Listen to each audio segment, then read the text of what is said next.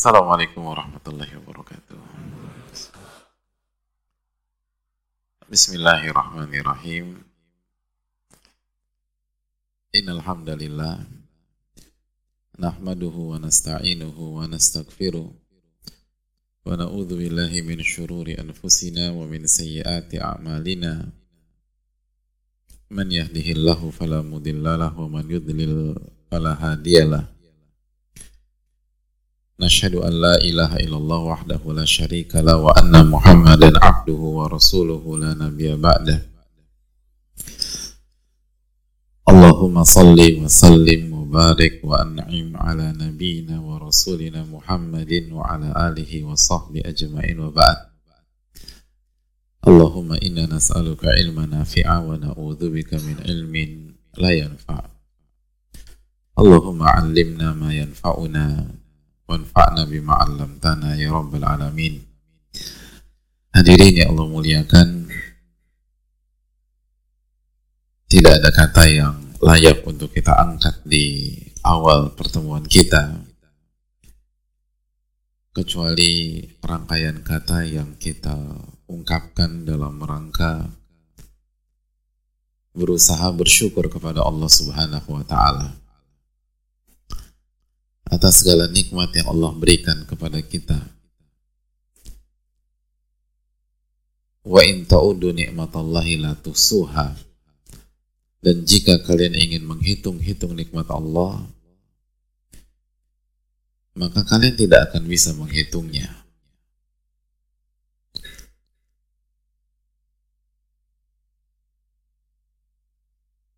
Siapa yang bisa menghitung detakan jantungnya sendiri?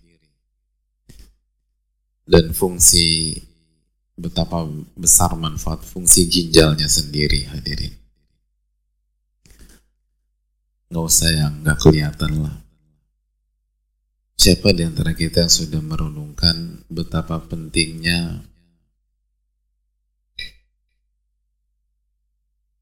nikmat kedipan mata hadirin? Bayangin gak sih kalau kita bangun di pagi hari dan di hari itu kita nggak bisa ngedip.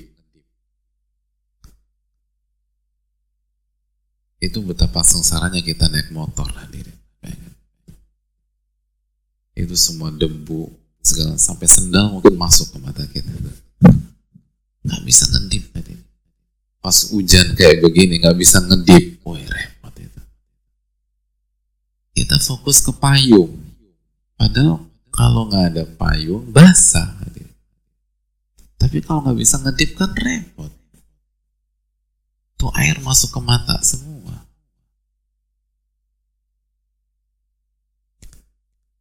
Nah, sudahkah kita mensyukuri nikmat tersebut?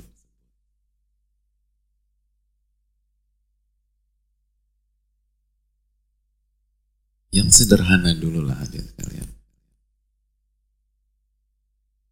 Lubang hidung udah di udah disyukuri belum hadirin? Coba kalau Allah kasih bonus satu lagi, jadi tiga lubang hidung kita. Itu mau mancung kayak apa? Kira-kira ganteng gantung hadirin? Tiga gitu.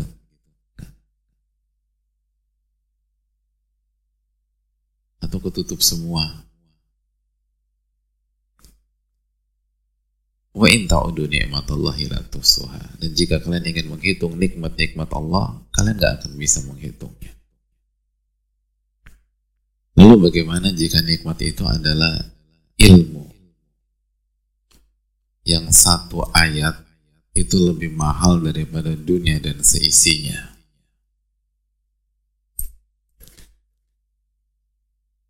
Satu hadis itu lebih mewah daripada dunia dan seisinya.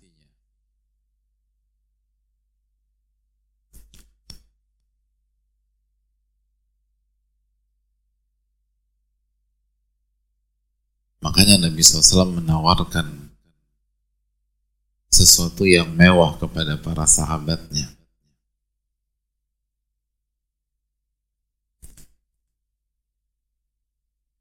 Ayawaddu ahadukum an yaddu'a kulla yawm ila al-mudha aw ila al-aqiq ayati minhu binaqataini qawmawain Siapa di antara kalian berminat untuk pergi setiap hari ke Buthan dan Akik.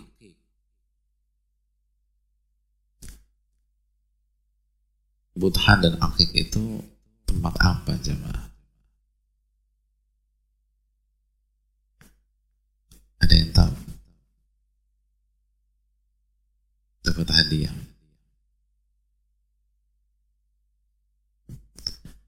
Buthan dan Akik itu pasar unta tempat pasar unta.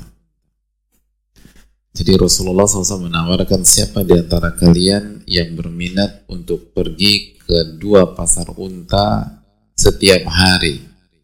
Fayatiya minhu binaqataini qaumawain untuk mendapatkan dua unta qaumawain.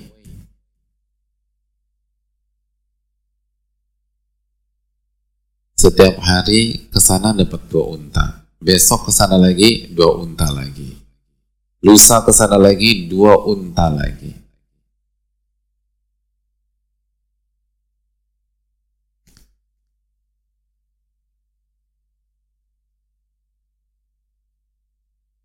Saya ingin bertanya kepada jamaah sekalian kalau kita di posisi para sahabat kira-kira tertarik apa enggak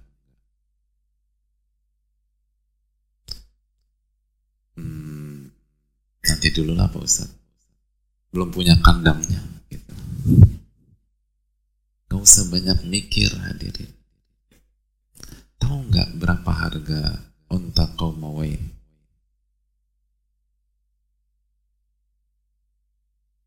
saya pernah baca sebuah koran waktu di kampus dulu.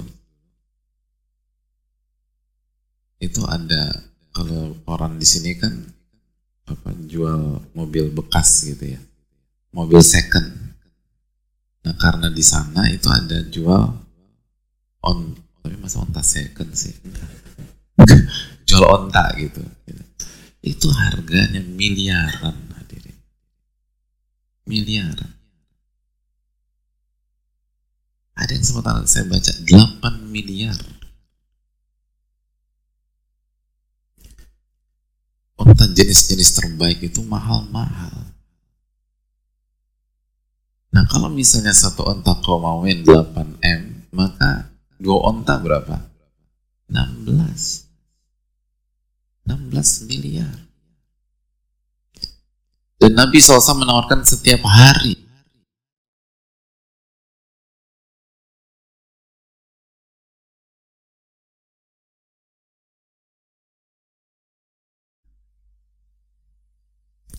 Nabi kita Sallallahu Alaihi Wasallam menawarkan setiap hari. Berarti 30 atau 22 masa aktif kerja. Tiap hari kulayau, tiap hari nggak nggak ada kaitannya dengan weekdays atau weekend, tiap hari. Berapa? 16 kali 30. Oh, cepet ya. Masya Allah.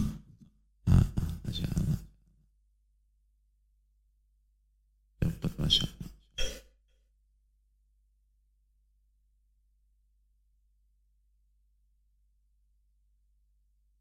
Makanya nggak usah mikir. Begitu dapat jual, begitu dapat jual, itu ditawarkan Nabi SAW. Dan para sahabat ngerti nilai seekor onta. Makanya begitu Nabi SAW tawarkan langsung mereka merespon dengan semangat. Kita mau ya Rasul. Karena mereka ngerti nilai dari onta. Antum tadi diem. Kenapa? Karena nggak ngerti dunia perontaan. Jadi diem. Makanya pentingnya ilmu tuh. Begitu mereka mau berangkat, kata Nabi SAW, awala yabdu ahadukum ilal masjid kalau kalian tertarik mendapatkan dua onta kaum mawain setiap hari, kenapa kalian tidak pergi saja ke masjid? Oh, kita bingung, memangnya ada onta di masjid. Lalu Nabi SAW berusaha menjelaskan.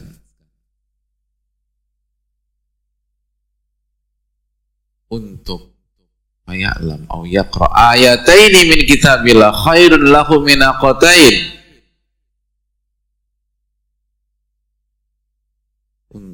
membaca dan mempelajari dua ayat dari Al-Quran. Karena dua ayat dari Al-Quran itu lebih mahal daripada dua unta.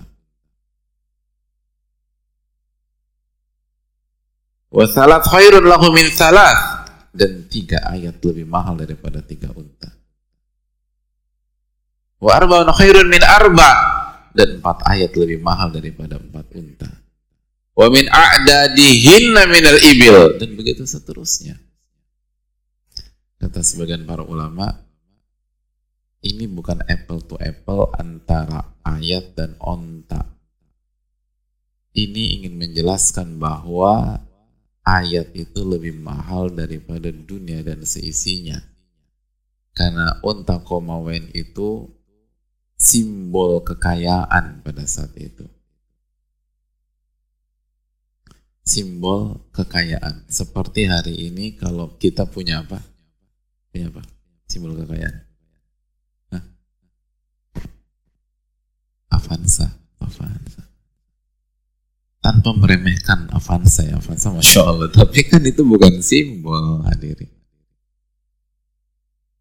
Cognizant itu Bugatti itu ya paling rendah-rendah Lamborghini lah atau Ferrari itu simbol jadi hadirin yang Allah muliakan apa yang kita dapatkan dari ilmu itu mahal, itu mewah. Dan setiap kenikmatan butuh rasa syukur. Maka di awal pertemuan kita, sudahkah kita mensyukuri ilmu yang kita dapatkan selama ini? Kata Al-Imam Abu Hanifah, rahimahullahu ta'ala, satu dari empat imam madhab beliau menyampaikan rahasia beliau mendapatkan ilmu nafi. Kata beliau, saya mendapatkan ilmu karena berusaha banyak bersyukur dan bertahmid kepada Allah Subhanahu wa taala Gitu. Jadi kalau para ulama itu ketika kajian berpikir bukan hanya datang memahami, mengerti, tapi juga berpikir bagaimana saya mengamalkan ilmu itu. Bagaimana saya bersyukur terhadap ilmu yang Allah kasih ke saya pada hari ini. Itu penting. Dan itu yang sering kali kita lupakan. Seringkali kita sibuk mengejar yang belum kita dapat dan lupa mensyukuri apa yang sudah kita dapatkan. Oleh karena itu marilah kita bersyukur kepada Allah Subhanahu wa taala atas nikmat ilmu yang kita dapatkan dan ingat ilmu itu apa yang bermanfaat hadirin. Bukan sekedar maklumat. Bukan sekedar wawasan. Bukan hanya sebatas datang. Al-Imam Ash-Syafi'i mengatakan al-ilmu ma nafa' wa laysa ma Ilmu itu yang bermanfaat bukan sekedar dihafal walaupun hafalan itu penting ilmu itu yang, yang bermanfaat kita di dunia dan di akhirat ilmu itu menyelamat ilmu yang membuat kita diselamatkan oleh Allah Subhanahu wa taala. Bukan hebat-hebatan. Bukan pintar-pintaran. Bukan jago-jagoan. Makanya doa sebagian para ulama besar dulu sebagaimana doanya Sa'id bin Musayyib apa? Allahumma sallim sallim. Ya Allah selamatkan saya. Ya Allah selamatkan saya. Jangan sampai ilmu kita menjadi bumerang bagi kita. Dan semoga Allah selamatkan kita dengan ilmu kita tersebut Ilmu itu cuma ada dua opsi hadirin Sebagaimana sabda Rasulullah SAW Al-Quran hujatun laka wa alaik Quran itu menjadi hujat Penolong, memberi syafaat bagi anda atau menjadi bumerang yang akan menyerang Anda. Karena itu ini yang perlu kita terus ingatkan. Fokus bukan hanya tentang maklumat. Fokus bukan hanya tentang konten. Fokus bukan hanya sebatas hadir. Tapi fokus bagaimana ilmu kita ini bermanfaat. Itu inti dari ilmu. Itu inti dari ilmu.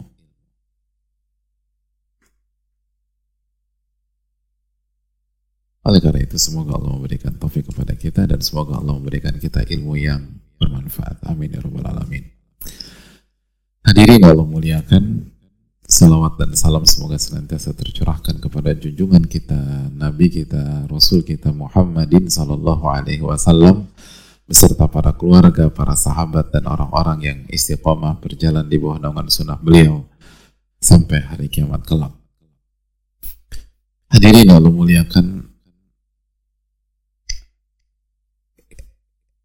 kita tahu bersama-sama bahwa kondisi banyak di antara kita pada hari ini tuh nggak mudah.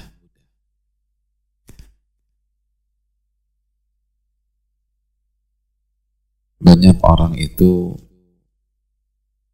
kesulitan pada hari ini secara ekonomi, secara rizki, dan banyak orang terpuruk, banyak orang jatuh banyak orang tertekan. Dan semoga Allah jaga kita dari hal itu semua dan semoga Allah memberikan hidayah kepada semua yang tertekan pada hari-hari ini. Amin ya rabbal alamin. Oleh karena itu hadirin Allah muliakan salah satu hal yang perlu kita sampaikan dan kita ingatkan di antara kita adalah tentang masa rizki dan tentang kunci-kunci rizki. Agar kita bisa istiqomah, bisa menjadi hamba Allah Subhanahu wa taala terlepas apa pun ujian Allah kepada kita. Oleh karena itu pada kesempatan kali ini uh, kita akan berbicara sejenak tentang masalah itu dengan segala keterbatasan dan kekurangan kita. Dan semoga Allah memberikan pertolongan kepada kita untuk mendapatkan ilmu nafi. Amin ya rabbal alamin. Hadirin yang Allah muliakan. Seorang nama besar.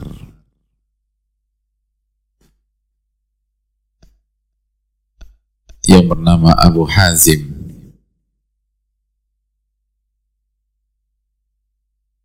Pernah ditanya Mama Luka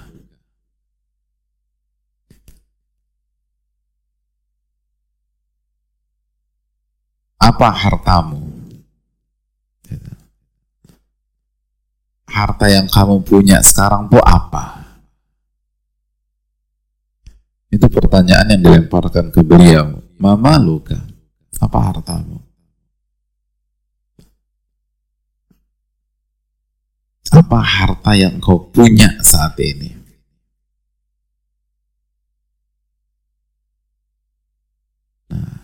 Kalau kita ditanya seperti itu, Mas, lagi susah ya? Iya nih. Emang harta Mas sekarang apa aja sih? Kok kusut banget tuh muka? Nah, jawaban kita apa? Hmm? Apa? Harta kita apa? Jujur aja, jujur. Bingung. Separah itu beban hidup tuh sampai nggak bisa ngedata harta sendiri. Hah? Kasihan ya, Masya Allah. Makanya pada datang ke kajian ini, aduh pening Pak Ustaz. Udah pusing, udah nggak bisa mikir. Hah? Apa harta kita? Ingat di rumah ada apa? Hah? Rumah? Enggak Pak Ustaz, itu kontrakan. Terus apa? Mobil? Pinjaman kemarin tuh. Terus apa lagi? Ah, sebutkan harta kita apa? Ayo dapat hadiah. Hah? Motor, terus jujur ini jujur ya. Paling nggak kita masuk surga karena kejujuran lah gitu. Hanya nggak usah sok-sokan lah. Ya, jujur ya. Kalau antu kita ditanya apa hartamu? Nah jawaban kita apa? Motor terus. Handphone terus. Uang ah berapa uang? Uang berapa? Wah, masya Allah. Datang sini barang istri ya, Mas? Oh iya pinter emang ini orang-orang Jatinegara.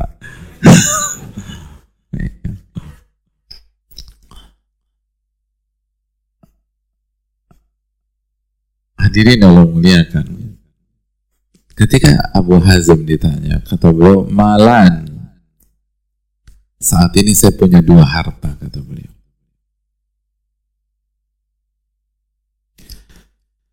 Dan canggihnya, la akhsha ma'ahum al-faqra. Dengan saya memiliki dua harta ini, saya nggak takut miskin sama sekali. Saya nggak takut miskin. Dengan punya dua harta ini, saya nggak takut miskin sama sekali. Kalau ada orang bilang saya punya dua harta, dan dengan yang saya punya ini, saya nggak takut kemiskinan sama sekali. Kira-kira menurut kita, dia punya tanah di mana hadirin? Gatsu kali ya? Mana anak Gatsu nih? Habibi. Oh, ini anak Gatsu. SCBD terus apa mana lagi mana BSD ya antum negara di sini ada ada ada tebet ada menteng kenapa jauh banget ke BSD ini serem-serem semua menteng terus itu ada itu itu mengerikan mengerikan semua harga tanahnya di situ ke sana lagi tamrin gitu. Kenapa tuh jauh banget ke BSD? Ya karena saya orang BSD, Pak Ustaz gitu. Kata Abu Hazim, ternyata bukan tanah di SCBD. Ya jelas lah, beliau bukan orang sini.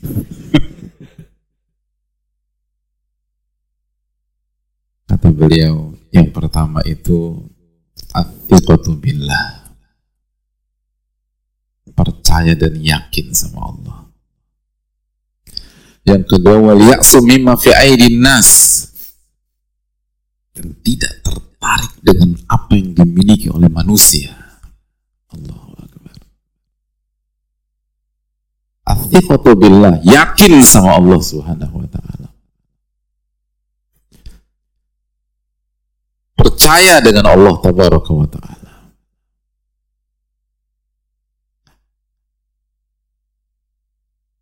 bahwa Allah Ar-Razzaq Allah yang maha memberikan rezeki Allah Al-Muhsin. Yang maha baik. Allah Arhamur Rahimin. Allah Akramul Akramin. Dan putus asa.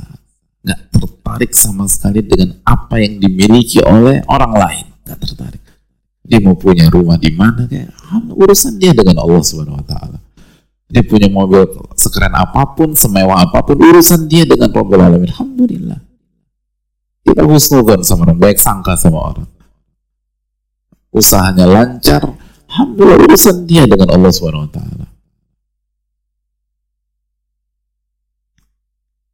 Gak tertarik kita. Gak dibahas gitu.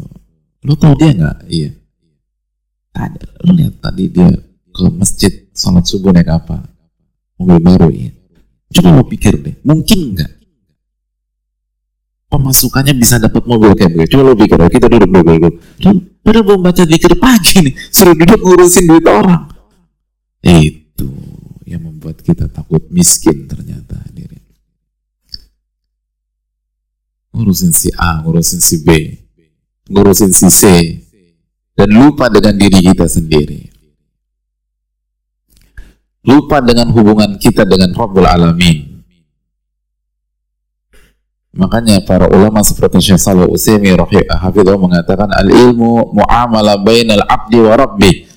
Ilmu itu adalah muamalat antara hamba dengan Robnya. Oleh karena itu penuntut ilmu dia fokus pada dirinya sendiri. Dan kalau dia ngurusin orang secara positif, menebar kebaikan, Makanya Imam Malik mengatakan kuntu ata'allamu li nafsi. Aku ini kalau belajar fokus pertamaku perbaiki diri.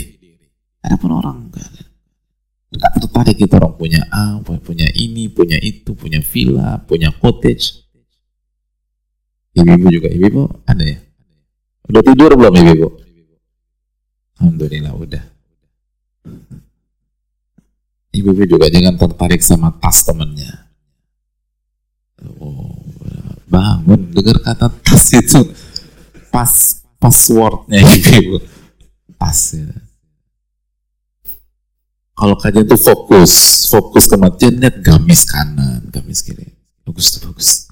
Gitu. Ngapain mikirin gamis orang? Gitu. Itu pasti bahannya adem ya. Yang penting tuh hati adem, bukan bahan adem. Yang kedua ya adem lah orang hujan tadi, hujanan dia, adem basah gitu loh. Jadi semua bahan kita adem nih pagi ini, masya Allah. Hmm. Udah nyanyi ngurusin orang. Itu itu yang rusak kita pada hari-hari ini. Ngebanding-bandingin. Lihat para ulama Abu Hazim mengatakan, "Afiqa billah." Percaya sama Allah Subhanahu wa taala. Dan yang kedua, nggak tertarik dengan barang orang, nggak tertarik dengan harta orang, nggak tertarik dengan duit orang, nggak tertarik dengan rumah orang. Nggak tertarik. Itu penuntut ilmu harus punya mental, itu nggak tertarik. Karena harta yang kita punya aja belum mampu kita syukuri secara sempurna. Harta yang kita punya saja sudah merepotkan kita nanti pada hari kiamat kelak. Ngapain kita ngurusin harta orang? Dan itu yang membuat kita dihantui kemiskinan. Adapun para ulama enggak. Athiqo billah, yakin sama Allah Subhanahu wa taala.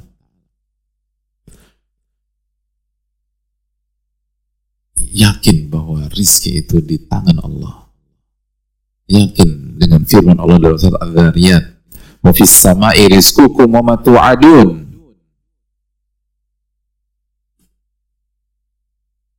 Dan di atas langitlah rizki kalian dan apa yang dijanjikan untuk kalian. Al-Dhariyat 22. Kata Maryam Al-Basriyah beliau mengatakan mahtamamtu birizki wala ta'ibtu fi talabi mundu sami'tu Allah azza wa jal yaqul wa fis sama'i rizqukum wa ma tu'adun.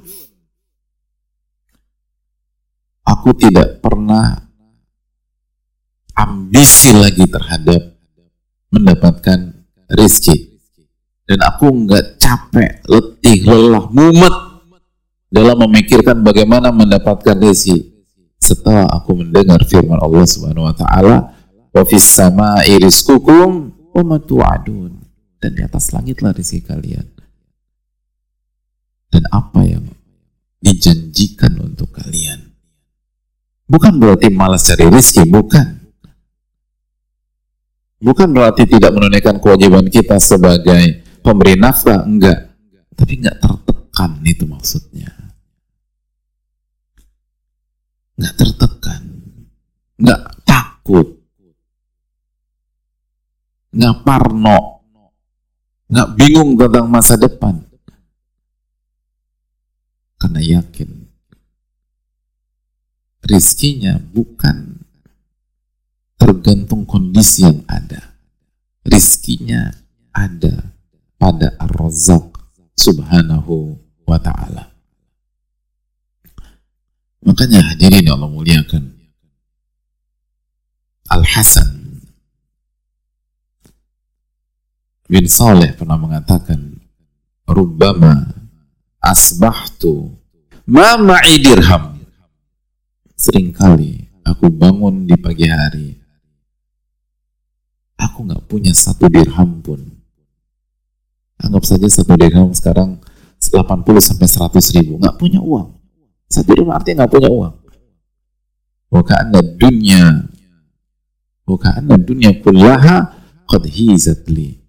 Tapi perasaanku kata beliau itu seperti orang yang punya semua isi dunia.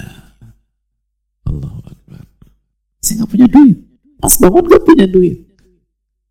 Tapi subhanallah kasih perasaan kepada saya.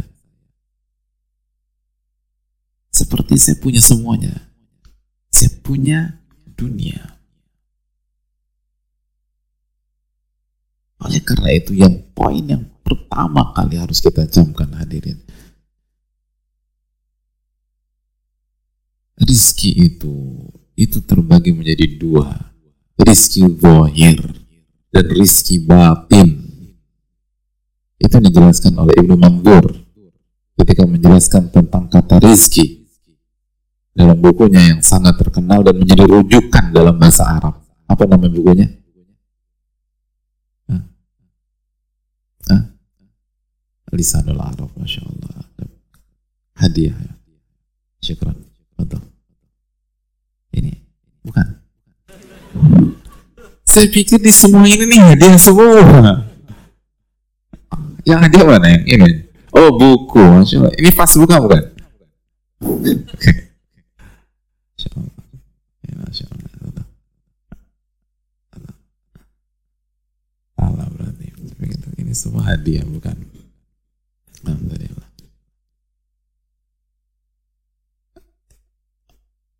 Hadirin yang Allah muliakan. Yang pertama kali harus kita camkan bahwa rizki itu terbagi menjadi dua. Rizki zahir, harta, uang, properti, dan, dan rizki batin yang berkaitan dengan jiwa kita, berkaitan dengan hati kita, berkaitan dengan ruh kita dan rizki yang paling mahal adalah yang berkaitan dengan ruh berkaitan dengan jiwa. Itu yang membuat para ulama walaupun tidak punya satu dinar pun mereka merasa seperti orang yang punya segalanya. Kenapa demikian? Hadirin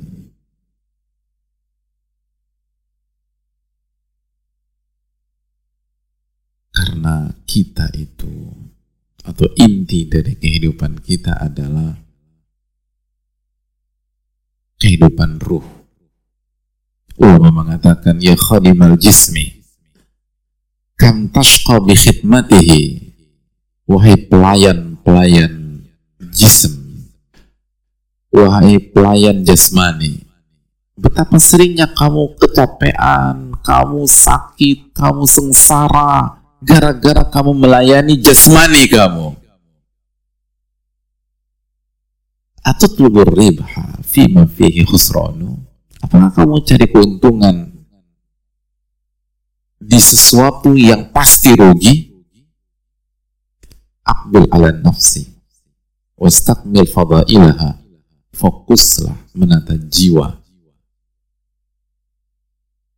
Dan sempurnakan jiwa dan hati Anda fa'anta binafsi la bil jismi insanu. Anda itu jadi manusia karena jiwa dan ruh anda.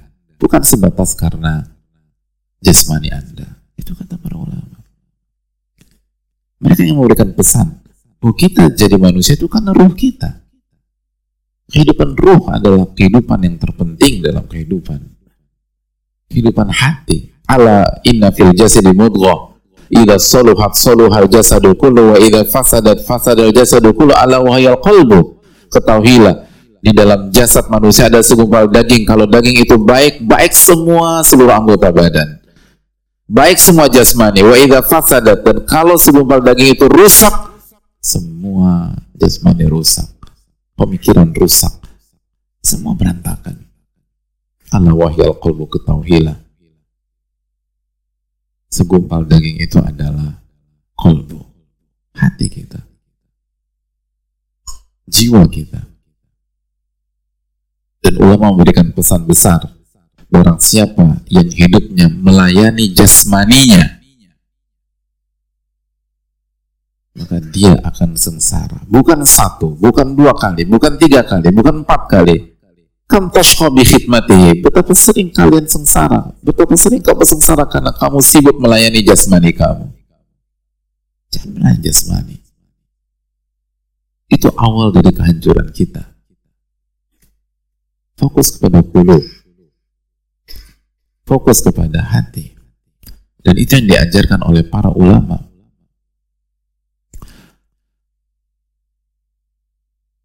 Itu yang diajarkan oleh Nabi kita Shallallahu Alaihi Wasallam.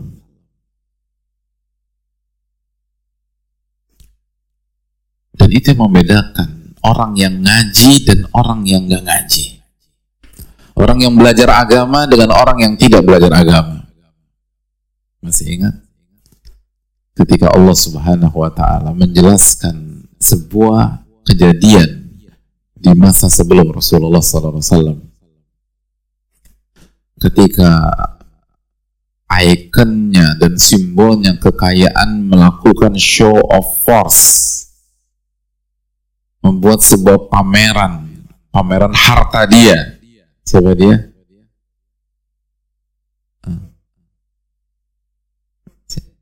Loh, angkat tangan dong hadirin. Kita berhadapan satu lawan satu lah. Siapa dia? Angkat tangan ah, ini biar dapat hadiah nih angkat tangan dulu kata belakang. Korun apa kata Allah dan apa yang terjadi pada saat itu? Allah Subhanahu wa taala menjelaskan dalam sebuah ayat atau beberapa ayat dalam Al-Qur'an dalam surat Al-Qasas ayat 79 mari kita buka ayat tersebut. Fakharaja ala qaumihi fi zinatihi. Fakharaja ala qaumihi fi zinatihi ketemu Siapa yang bisa baca artinya? Qala alladhina yuriduna alhayata dunya ya laita lana mithla ma utiya qurun innahu lahu innahu lahu hadzin azim. Siapa? Benar.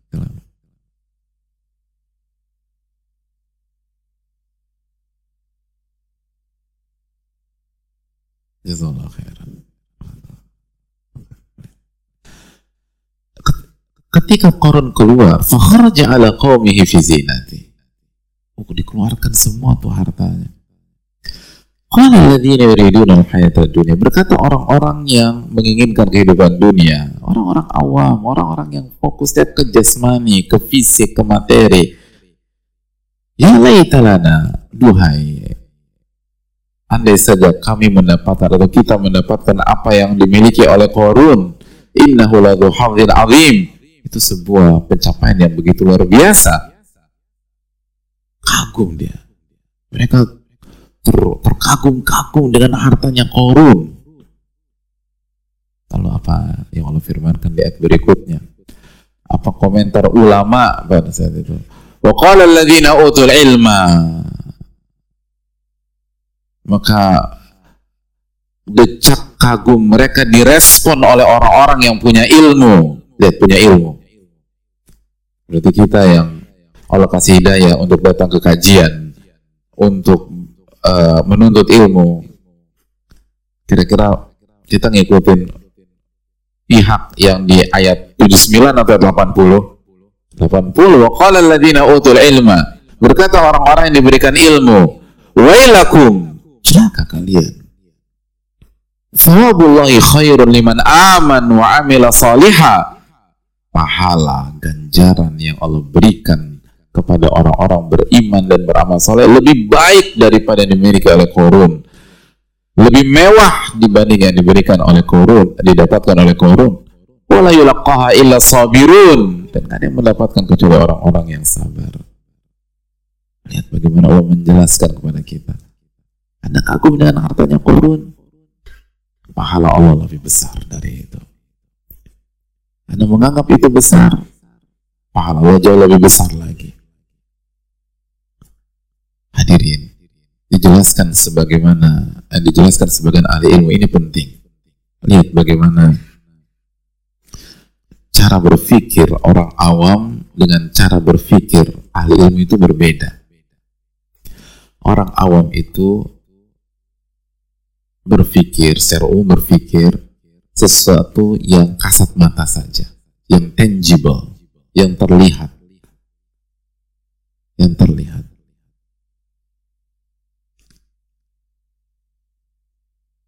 Tapi ahli ilmu itu melihat utuh. Zahiran wa batina. Secara zahir dan secara batin. Dan fokus mereka secara batin tanpa meremehkan zohir. Zohir penting. Tapi batin yang harus diprioritaskan. Makanya lihat 79 dan 80 ini. 79 terkagum-kagum dengan zohir. Adapun 80 lihat ulama mengajak umat ke ke hal-hal yang batin, yang intangible, yang tidak terlihat. Tapi itulah esensi dari kehidupan. Dan begitulah semua pakar di semua bidang. Pakar semua bidang. Contoh contoh analogi sederhana ya. Kalau kita awam dalam dunia bangunan, masuk rumah terus ngelihat apa namanya uh, parkit atau segala macam, yang kita perhatikan apa? Langsung kagum, bagus banget sih ini rumahnya segala macam, bla bla bla gitu.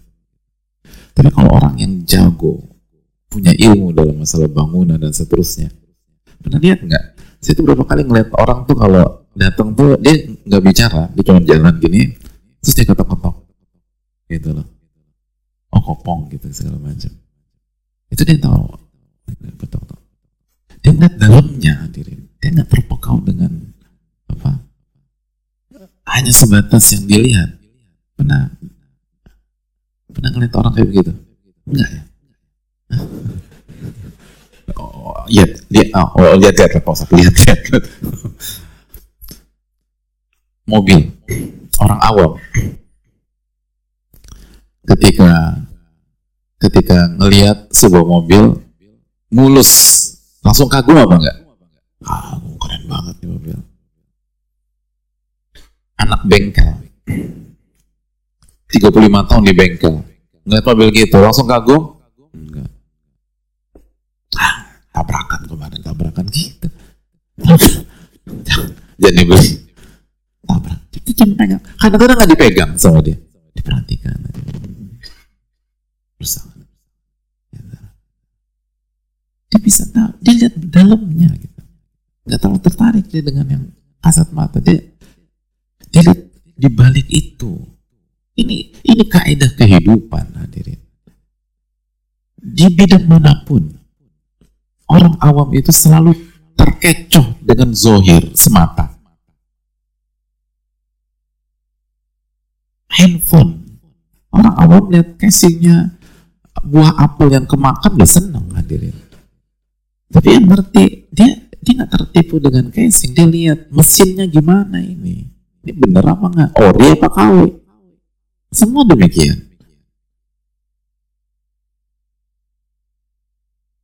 Semua demikian. Dia nggak tertipu dengan itu. Dan bagaimana dengan kehidupan? Jangan jangan sem, jangan sampai kita tidak diberikan taufik oleh Allah sehingga sempit untuk menilai, harta atau rizki. Waqala alladziina utul ilma berkata orang-orang yang diberikan ilmu, "Wailakum, celaka kalian." Dia diajak orang-orang awam itu berpikir, eh jangan hanya lihat zohir. Lihat yang tidak terlihat juga. Wailakum tawabullahi khairun liman amana wa amila salihah. Pahala dari Allah itu lebih besar dibanding yang dipertontonkan oleh korun. Tapi harus sabar, kata para ulama, sabar. Sabar. Untuk mendapatkan untuk merasakan bahwa iman itu lebih mahal, ilmu nafi itu lebih mewah daripada segera harta. Seringkali butuh waktu hadirin, butuh kesabaran. Langsung. Oleh karena itu hadirin Allah muliakan sekali lagi, kenapa para ulama bisa tenang, bisa nyaman? Karena mereka bukan hanya melihat risi secara zahir, tapi mereka melihat rizki secara batin dan itu kunci besar dalam masalah rizki makanya Allah Subhanahu Wa Taala menyatakan dalam surat At-Talaq ayat 11 ketika Allah menjelaskan tentang orang-orang yang beriman dan beramal soleh. Lalu Allah mendapat eh, dia akan mendapatkan surga yang di bawahnya mengalir sungai-sungai. Dan kekal selama-lamanya apa penutupan ayat tersebut? Qad ahsanallahu lahu rizqa dan Allah telah memberikan rizki yang terbaik untuk rizki yang terbaik itu bukan harta. Rizki yang terbaik bukan barang. Rizki yang terbaik bukan uh, properti. Rizki terbaik adalah waman yu'min billah. Barang siapa yang beriman kepada Allah. Wa ya'mal salihah dan beramal saleh. Yudkhilhu jannatin tajri min tahtiha tajri tajri min tahtil anhar khalidina fiha abada. Barang siapa yang beriman dan beramal saleh Allah akan masukkan dia ke surga surga yang di bawahnya mengalir sungai-sungai mereka kekal di dalamnya Qad ahsanallahu lahu rizqa. Dan Allah telah memberikan ihsan, memberikan yang terbaik dari rizki kepada hamba tersebut. Itu yang terbaik. Itu yang terbaik. Oleh karena itu hadirin Allah muliakan fokus ke mana dan perlu kita camkan bersama-sama bahwa kekayaan itu bagi orang yang tahu kehidupan jadi karena itulah dijelaskan para ulama itu tentang rasa, bukan tentang angka. Kekayaan itu tentang rasa, bukan tentang angka. Keliru orang mengatakan tentang angka. Makanya Nabi kita SAW menyatakan apa? Dalam hadis yang sangat terkenal, beliau sallallahu alaihi wasallam mendidik kita dengan hadisnya laisal gina an katratil arab. Kekayaan itu bukan banyaknya harta atau aset. Innamal gina gina nafas. Sesungguhnya kekayaan adalah kekayaan jiwa apa yang dirasa di dalam jiwa. Kaya itu tentang rasa. Makanya tadi Al Hasan mengatakan, saya tuh suka bangun pagi hari nggak punya duit, tapi ingat perasaan saya, kayak saya kayak punya semuanya udah. Dan sebaliknya ada banyak orang punya banyak hal, bangun orang miskin. Hadirin, bengong aja deh, bingung gitu deh, kesian. Karena lupa. Karena kekayaan itu tentang rasa. Itu yang perlu kita camkan. Itu yang perlu kita renungkan. Kita tuh nggak akan mendapatkan rizki yang paling mewah kecuali beriman dan beramal. Itu harus kita yakini hadirin. Ilmu nafi. Makanya kan sebagian ulama klasik mengatakan seperti uh, Malik bin Dinar dan lain-lain. Lau, lau adimal muluk wa abna'ul muluk. Dijelaskan sebagian mereka bahwa kalau pemilik kerajaan itu tahu, raja-raja dunia itu tahu, dan pangeran-pangeran itu tahu apa yang kita rasakan ketika kita hidup dengan ilmu yang bermanfaat, ketika kita hidup dengan iman dan amal soleh, maka mereka akan cemburu. Mereka berpikir mereka bisa merampas dari kita dengan cara mengeksekusi kita. Karena mereka nggak ngerti karena mereka melihat betapa tenangnya hidup kita. Oleh karena itu hadirin Allah muliakan. Makanya sebagian ulama klasik kan mengatakan ahlu dunia kharaju dunia walam yadhuku ma huwa ahla minad dunia. Ini ironinya dunia hadirin. Ahli dunia itu ketika meninggal mereka tidak pernah dan belum pernah merasakan hal yang paling indah dari dunia. Dan hal yang paling indah dari dunia adalah ma'rifatullah. Mengenal Allah tabaraka wa ta'ala. Itu yang paling indah. Itu yang paling mahal.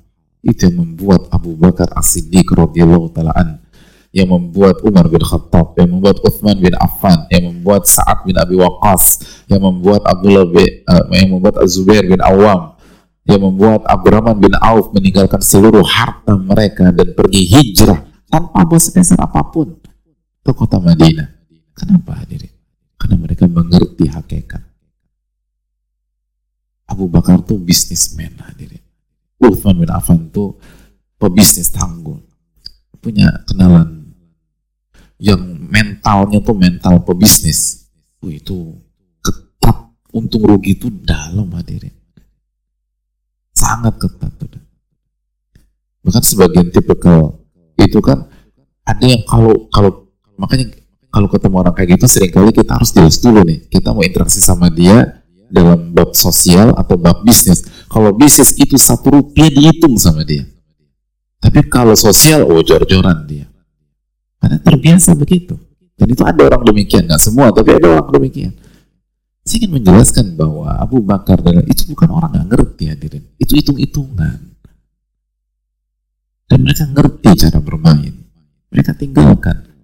Dan mereka mulai dari nol. Bahkan ketika mereka merintis kehidupan mereka di kota Madinah, banyak di antara mereka lebih nggak punya duit dibanding kita pada hari ini. Tapi nggak punya uang. Nggak punya apa pun. Dan mereka punya iman. Mereka punya billah. Mereka punya rasa yakin dan percaya kepada Allah Subhanahu wa taala. Mereka yakin bahwa rezeki mereka di tangan Allah dan, dan tidak akan wafat kecuali rezekinya dibayar sempurna atau dikasih sempurna oleh Allah Subhanahu wa taala sebagaimana dalam hadis. Oleh karena itu hadirin yang Allah muliakan, kita harus banyak fokus dalam masalah dalam masalah ini.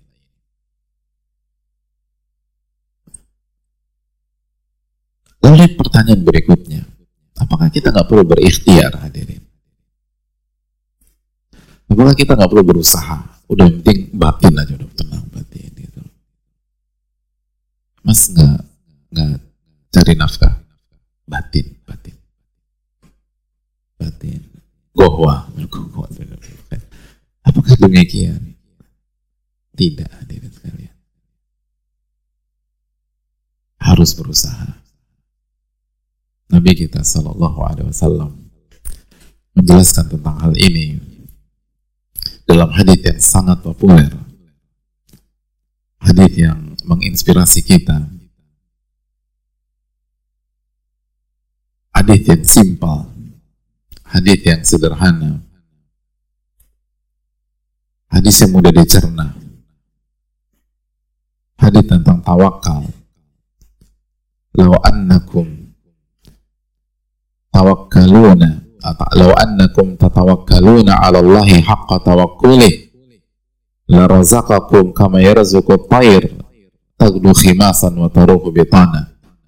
Dalam hadis Tirmidzi Nabi SAW mengatakan kalau kalian bertawakal kepada Allah dengan sebenar-benarnya tawakal maka Allah akan kasih kalian rizki sebagaimana Allah kasih kepada seekor burung.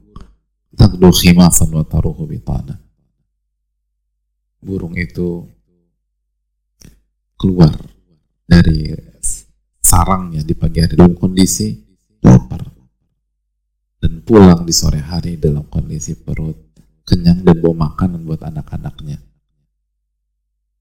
Ini menunjukkan bahwa salah satu bukti bahwa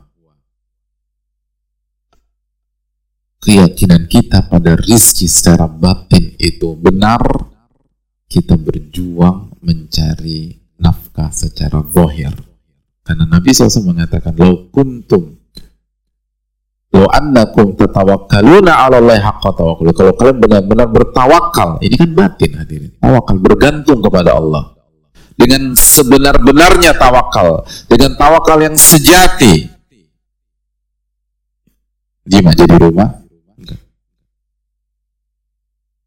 Allah akan kasih rizki sebagaimana Allah kasih rizki kepada seekor burung.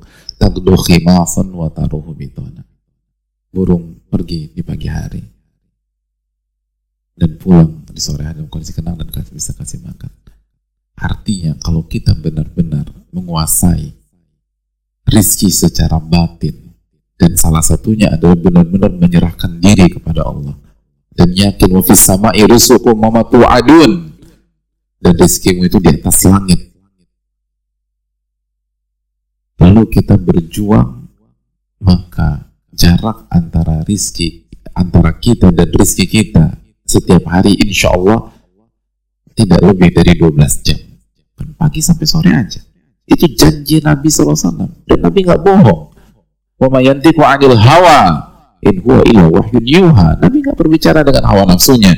Tapi wahyu ya Allah wahyukan kepada beliau dalam surat An-Najm ayat 3 dan 4 Nabi SAW mengatakan pagi lapar, sore udah kenyang. Dan bawa makan buat anak-anak. Kalau benar-benar tawakal. Lalu annakum tatawakkaluna ala Allah haqqa tawakkal. La razaqakum. Allah pasti akan kasih rezeki kepada kalian. La razaqakum. Allah kasih rezeki. Itu pasti. Makanya kita mulai dari rizki batin dulu karena ini ini kuncian hadirin. Dan untuk mendapatkan rizki zahir itu sangat membutuhkan rizki batin. Allah akan kasih rizki. Yang jadi masalah kita nggak tawakal itu masalahnya. Kita ngarap sama orang.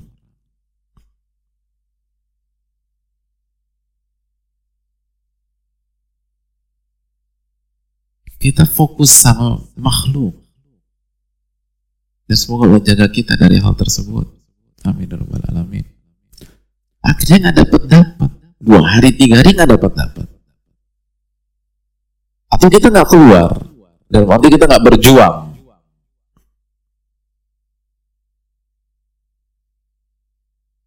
Hadirin yang lo muliakan.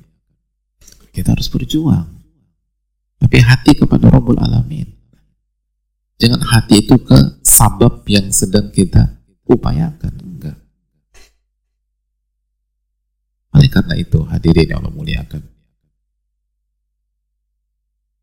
Mari kita lihat dan kita simak kisah yang selalu menginspirasi umat manusia. Ketika Nabi Ibrahim alaihissalam meninggalkan istri beliau di lembah yang bernama Bakkah tanpa ada satupun titik kehidupan di sana.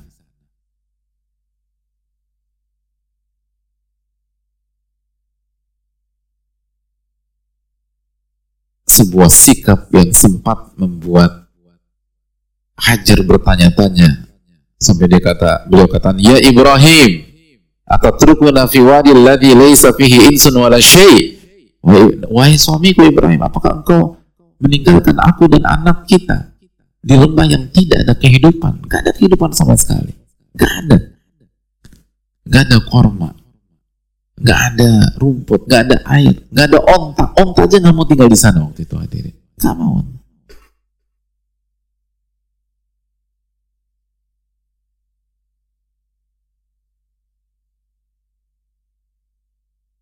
Lalu ketika ditanya oleh Hajar, Nabi Ibrahim diam. Ditanya lagi, diam. Bukan diam tiga kali. Lalu Hajar merubah pertanyaannya, Allahu amaraka bihada. Apakah Allah yang memerintahkan engkau melakukan hal ini? Lihat Kata Nabi Ibrahim, iya. Itu direspon. Lalu Hajar mengatakan, idan la yudayi'una. Kalau begitu, Allah nggak akan sia-siakan kita. Ini hadirin.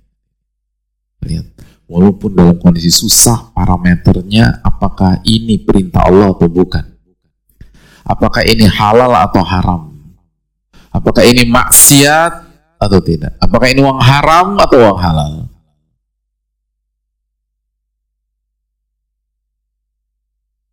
Hajar ketika mengatakan itu bukan sedang uh, bergelimang harta,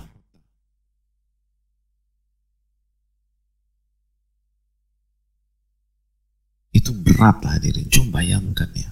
Ditinggal di lembah. Tanpa ada kehidupan. Coba kita tanya ibu-ibu. Ibu-ibu, udah tidur? Alhamdulillah belum. Gimana perasaan ibu-ibu sekalian? Kalau ibu-ibu umroh sama suami, begitu check in ke sebuah hotel masuk kamar tiba-tiba suami kembali mengambil koper bagas eh, koper cabin lalu ambil paspor lalu di situ ada tiket lalu tiba-tiba berjalan menuju lift keluar kamar lift kira-kira respon ibu-ibu apa? Hmm? Kesurupan kayaknya nih Pak Ustaz. Enggak, enggak kesurupan. Ketika dicek ternyata suami mau pulang lagi ke Jakarta dan meninggalkan ibu-ibu di sana. Gimana perasaan ibu-ibu? Galau apa senang? Senang, Masya Allah. Benar-benar. Ada masalah besar di sini. Alhamdulillah Pak Ustaz. Kenapa Bu senang? Ya senang lah Pak Ustaz. Ada bin Daud. Ada apa? Ada gamis. Ada segala macam disebutkan. Dulu tuh nggak ada. Nggak ada apa pun. Ditinggalkan di Mekah itu mati artinya. Gak ada kehidupan. Di kondisi yang begitu terdesak seperti itu, Hajar masih bertanya, apakah ini perintah Allah? Ini melanggar apa tidak? Coba tanya diri kita. Hari ini, ketika kita lagi sulit, masihkah kita berpikir demikian? Ini melanggar apa tidak? Ini Allah ridho apa tidak? Karena kalau ini Allah ridho, idan la yudoyi'una. Kalau begitu Allah nggak akan sia-siakan kita. Dan atiqo billah. Atiqo billah. Seperti Abu Hazim tadi, tenang. Banyak hajar nggak panik. Sangat kontras sikap dan gestur hajar pada saat itu. Sebelum beliau mendapatkan jawaban dan setelah beliau mendapatkan jawaban Artinya sebelum beliau tahu ini perintah Allah dan setelah beliau tahu ini perintah Allah. Sebelum beliau tahu bahwa kondisi ini diinginkan dan diridhoi oleh Allah dan setelah beliau tahu bahwa ini diridhoi oleh Allah. Padahal secara rizki zahir sama atau beda? Hah? Sama atau beda? Hah? Hadirin, sama atau beda? Susah ya. Yang berat beban hidup antum. Ini pertanyaan saya belum nanya surat apa, ayat berapa, hadis surat siapa. Ini baru tanya sama atau beda. Pening banget ya Allah. Ya. Berat ya Masya Allah. Semoga Allah ringankan beban-beban kita. Amin.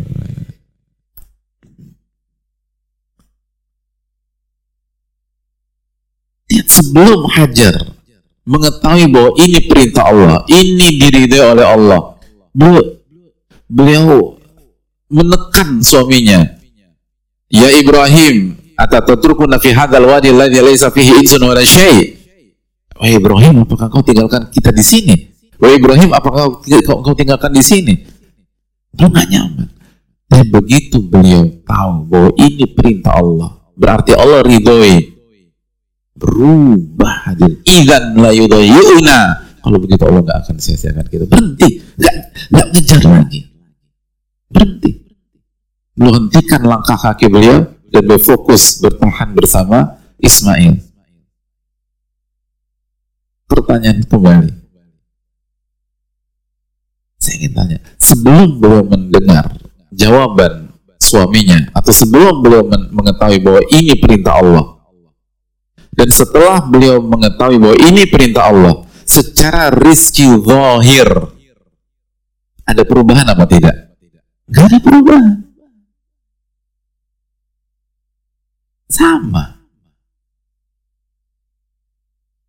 Tapi secara rizki batin ada perubahan apa tidak? Perubahan. Yakin, wah berarti benar ini saya. Gak mungkin Allah sia-siakan saya. Wa fis sama'i rizqukum wa ma tu'adun. Wa man yattaqilla yaj'al lahu makhraja wa yarzuqhu min haitsu la. Barang saya bertakwa kepada Allah, Allah akan berikan jalan keluar dan rezeki dari arah yang tidak diduga-duga. ayat 2 dan 3. Yang penting ini perintah Allah, yakin saya. Berubah, berubah total 180 derajat. 180 derajat berubah. Padahal secara goyir gak ada perubahan. Dan Nabi Ibrahim pun gak ada janji untuk rizki zahir gak ada. Nabi Ibrahim gak, tenang, beb, tenang aja. Aku langsung transfer 500 juta, santai. Gitu. Tapi juga percuma transfer 500 juta, nggak ada tukang mie ayam di sana, nggak ada mandi laham di sana, nggak ada mau jual, nggak ada gunanya. Tapi nggak ada perubahan, tetap rezeki akhirnya sama, persis sama. Kok bisa beda 180 derajat? Dengan ada hitungan waktu yang sangat singkat. Itu seorang mukmin hadirin. Itulah pentingnya zikrullah dalam berjuang ala bidzikrillah tatmainul qulub. Ketahuilah dengan mengingat Allah hati jadi tenang. Pada kondisi sama. Terus apa yang dilakukan oleh Hajar? Hah? Yang dilakukan oleh Hajar apa? Healing? Hah? Apa yang dilakukan oleh Hajar? Hah? Hah? Window shopping? Hah? Ya, beliau tawakal dan beliau berjuang. Beliau mulai dengan sofa untuk mencari apakah ada air, apakah ada binatang dan seterusnya. Dan sofa dataran tinggi, dia bisa beliau bisa ngelihat 360 derajat dari situ kondisi uh, sekitarnya. Ternyata nggak ada apa-apa. Turun lagi. Menuju mana? Marwah. Naik lagi. Lalu melihat amati. Ternyata nggak ada apa-apa. Terus ke mana? Sofa lagi. Ada nggak ada? Terus tapi nggak nggak tahu. Terus ke mana jangan ada yang belum bin nggak ada bin daun atau Hilton Tower atau nggak ada itu. Gitu. nggak ada. Balik lagi ke Marwah. Terus. Pertanyaan saya. Kenapa hanya sofa dan Marwah emang nggak bisa ke sana lagi nah emang emang Makkah atau Bekah cuma sofa Marwah doang Kenapa hanya sofa marwah? Amanah. Amanah siapa? Karena sudah ketetapan Allah. Masya Allah. Selesai udah kajian kita kalau gitu. Iya, dapat hadiah. Yang ketetapan Allah, Masya Allah. Yang penting pede dulu. Iya, penuntut ilmu tuh kata Ibnu Qayyim rahimahullah Ibnu Qayyim mengatakan bahwa talibun nufudhi ilallah itu pertama syaja'ah, harus berani dulu. Namanya udah belajar, gitu loh. Paling kalau salah ya malu-maluin aja. Tapi nggak apa-apa. Nggak apa-apa. Iya, pertama itu jadi benar kan? Benar ketetapan Allah. Kata para ulama, kenapa hanya sofa marwah? Karena hanya itu titik maksimal beliau. Kalau beliau ke ke ke radius yang lebih jauh lagi atau ke titik yang lebih jauh lagi itu beliau tidak bisa mempertahankan Ismail kalau ada apa-apa mungkin ada apa ada binatang ada ular kalajengking segala macam tapi sofa marwah kalau kita uh, umroh atau kita pernah sa'i dan bagi yang belum pernah umroh dan haji semoga Allah mudahkan untuk bisa umroh dan haji amin alamin itu adalah jarak yang yang paling maksimal untuk menyelamatkan Ismail kalau ada apa-apa. Karena Ismailnya kan ditaruh dekat Ka'bah. Maka beliau muter-muternya sofa marwah. Karena itu udah paling mentok. Dari sini kata sebagian para ulama, ini hikmah besar dalam bab ikhtiar. Ikhtiar itu maksimal, tapi jangan maksa dan setiap orang punya sofa marwanya masing-masing gitu setiap orang dari kita itu punya titik atau batas perbatasan maksimal masing-masing jangan maksa yang menjadi masalah kita maksa maka jatuh ke dalam hal yang haram atau atau akhirnya ter, ter apa terjerat hutang yang nggak karu-karuan karena maksa. Jangan maksa. Hajar nggak maksa, nggak nekat gitu. Makanya Hajar nggak sampai kampung Melayu, nggak bisa dia. Ini gimana? Sampai jati negara gitu, nggak bisa. Oh, jangan remehkan spirit seorang ibu dalam mempertahankan anaknya. Ibu itu kalau udah tentang anak, oh, sembuh, luar biasa. Benar nggak ibu? Oh benar, macam-macam kita nih sama ibu. Ini kalau udah tentang anak, uh, luar biasa. Semua kita akan melihat kekuatan, ketangguhan wanita yang mungkin kita nggak pernah lihat sebelumnya.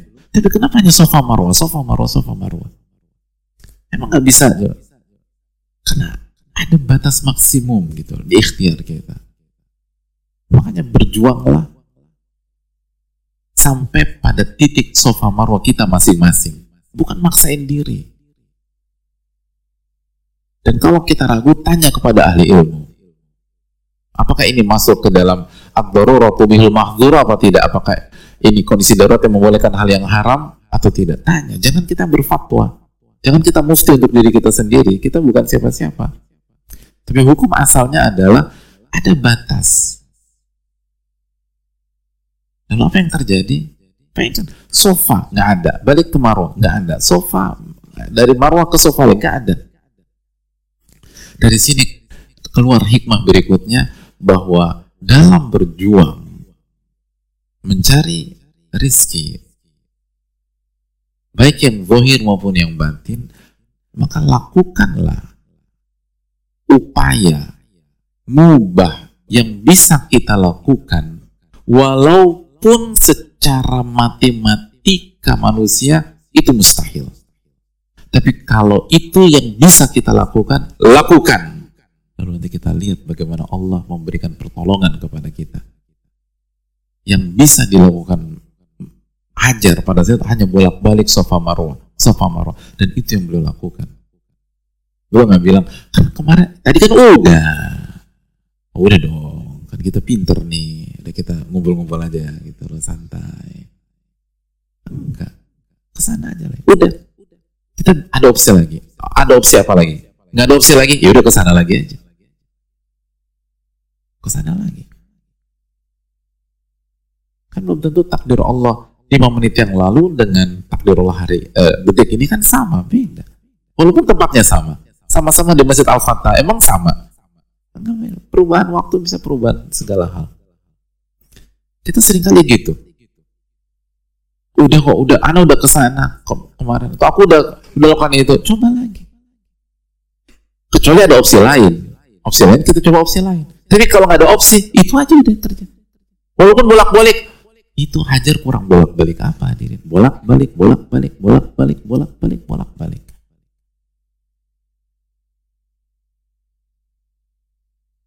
Itu penting.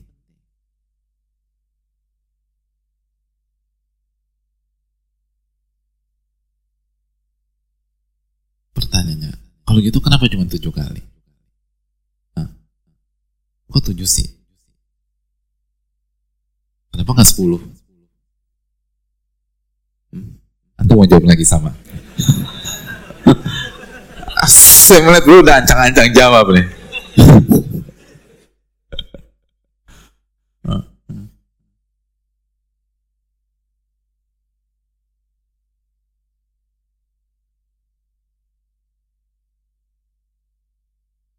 Sepertinya. Sepertinya begitu. Sepertinya bukan. oh, ending berani dulu.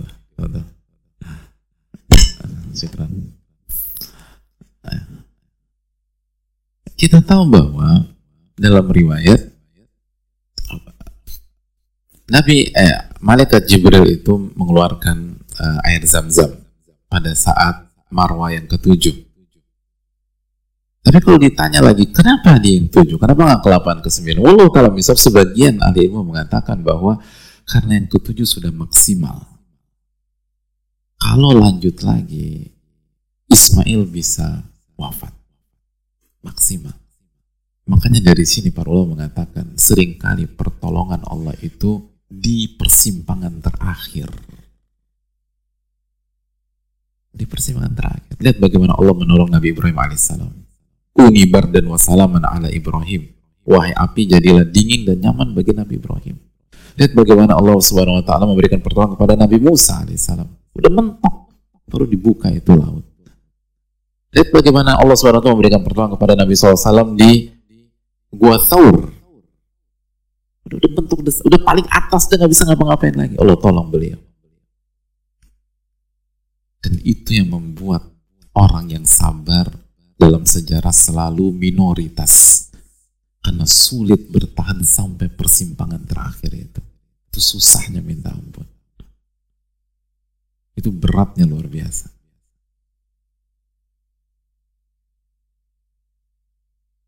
Itu beratnya luar biasa. Dan tetap tawakal sama Allah Subhanahu wa taala.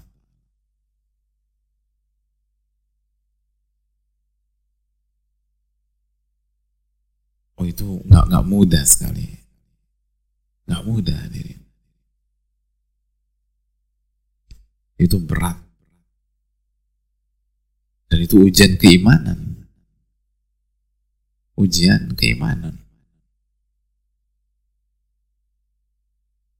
Oleh karena itu jamaah sekalian tetap berjuang dan tetap berikhtiar sampai titik darah penghabisan selama itu halal dan lakukan apa yang bisa kita lakukan. Walaupun secara hitung-hitungan dunia, prediksi manusia tidak akan merubah hasil. Karena menentukan bukan manusia, yang menentukan Allah wa ta'ala. Dan lihat bagaimana nanti Allah menolong kita, membantu kita, memberikan keberkahan kepada kita. Dengan syarat sekali lagi, pada saat kita berjuang, tawakal kepada Allah Subhanahu wa taala, bergantung sama Allah sebagaimana hajar bergantung sama Allah sebagaimana hadis Nabi SAW wa annakum tatawakkaluna 'ala Allahi haqqa tawakkuli.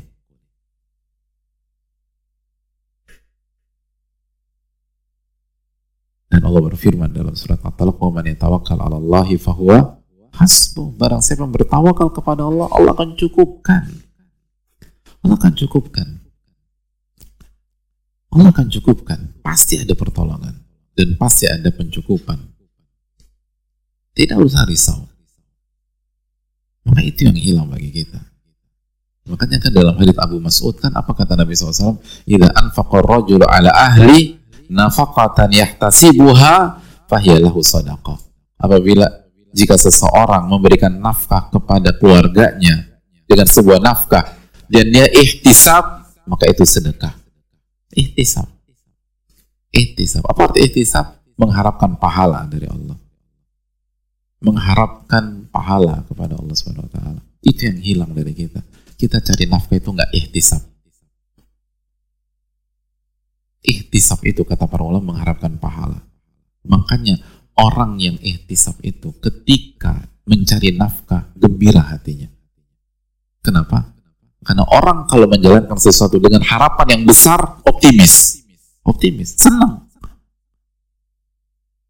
Kapan kita terpuruk ketika kita merasa nggak punya harapan lagi. Makanya banyak orang bunuh diri kapan ketika dia merasa nggak punya harapan.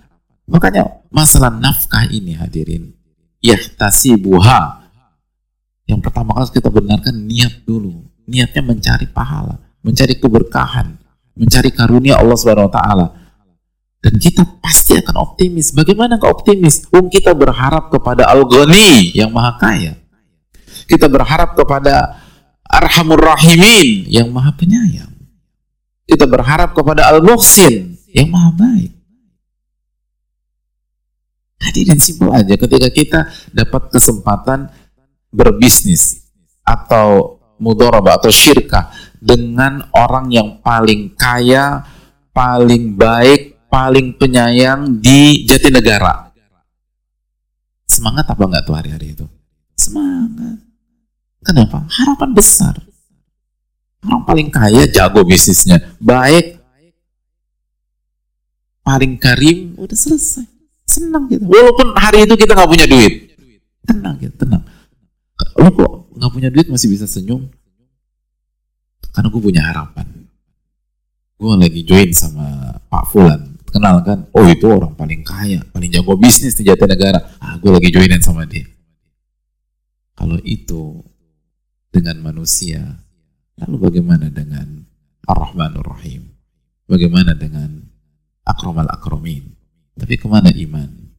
Ke mana tauhid kita ketika mencari rizki?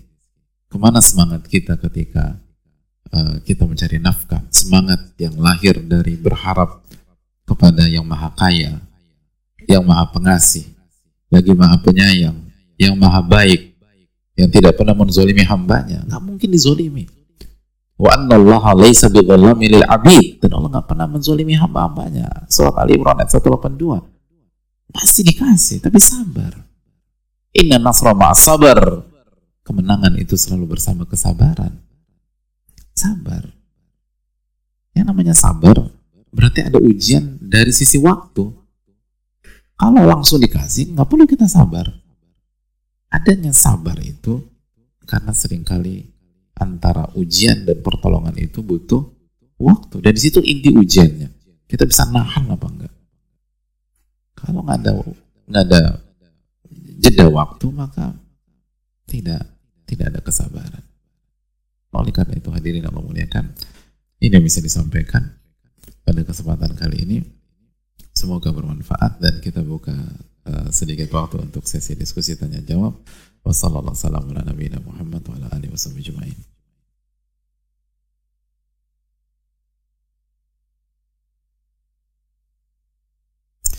Assalamualaikum warahmatullahi wabarakatuh. Waalaikumsalam warahmatullahi wabarakatuh. Semoga Allah menjaga ustadz, ulama, dan seluruh umat Islam. Ustadz amin ya alamin. Saya seorang perantau dan tujuan saya ke Jakarta untuk belajar agama dan untuk uh, bertahan hidup. Maka saya harus bekerja. Namun saya punya keinginan besok pergi umroh. Eh, oh keinginan besar.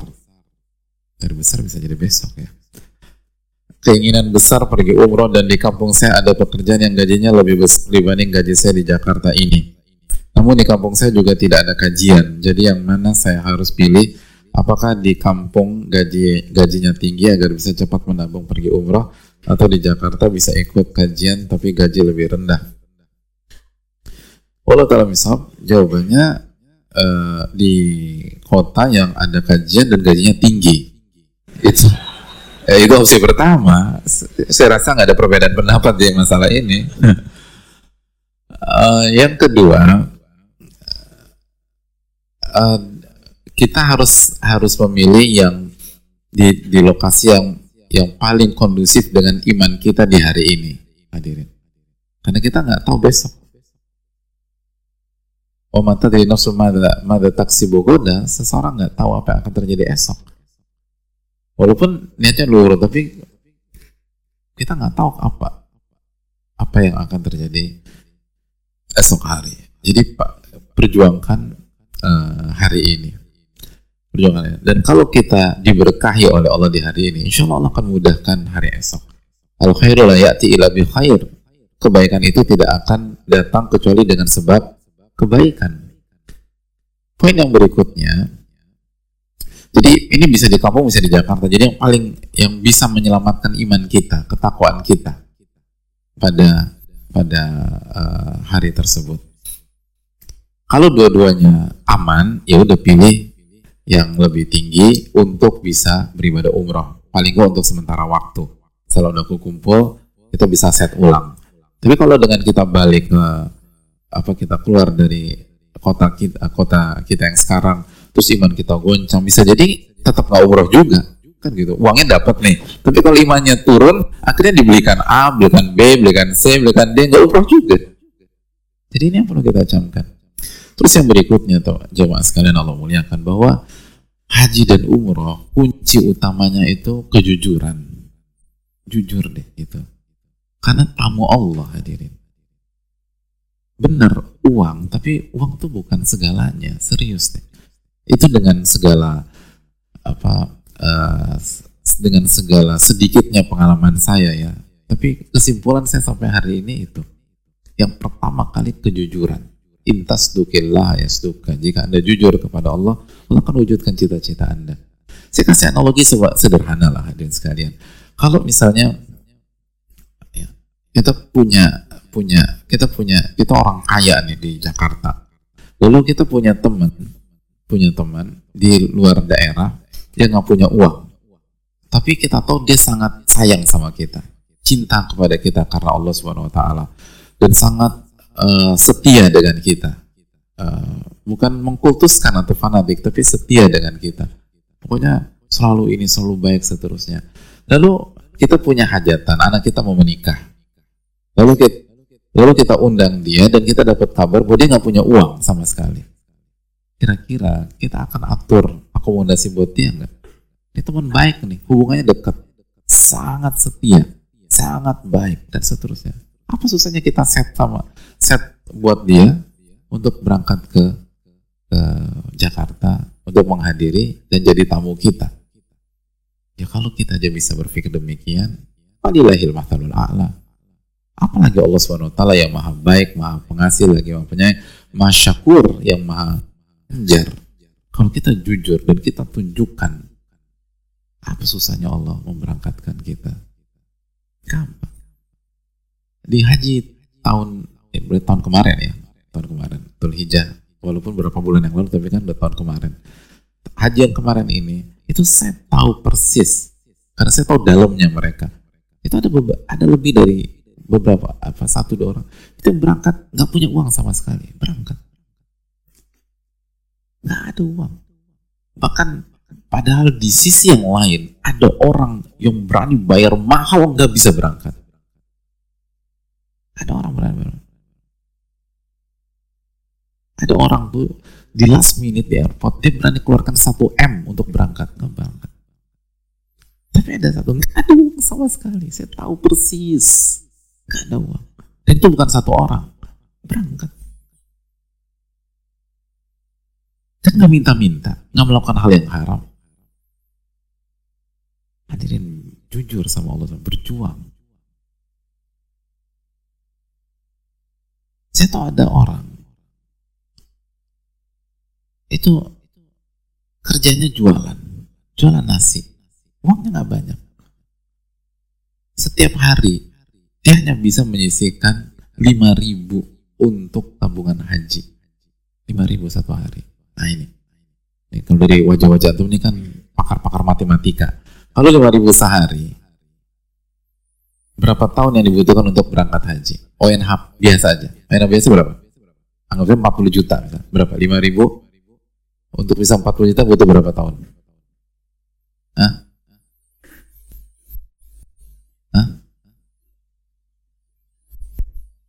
Berapa? Hah? ini pakai ilmu matematika atau ilmu ilham sih? Kok jaraknya jauh banget gitu loh? Hah? Berapa? Hah? Hah? 10 tahun, yakin 10 tahun.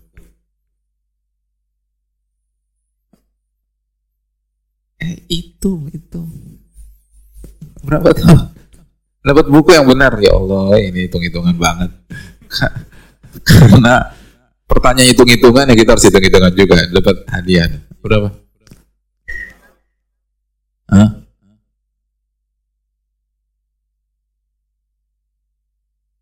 pertama loh ada khilaf dalam masalah ini Hah? berapa tahun lima ribu sehari delapan ribu tahun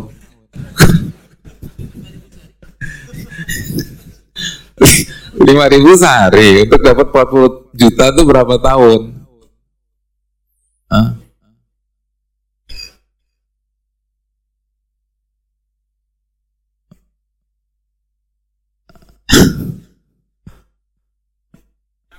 Coba panitia panitia. Yang menang siapa? 22 tahun kurang lebih. Mana yang pertama kali bilang? Tadi mana? Tiga tiga orang. Yang jawab. Eh,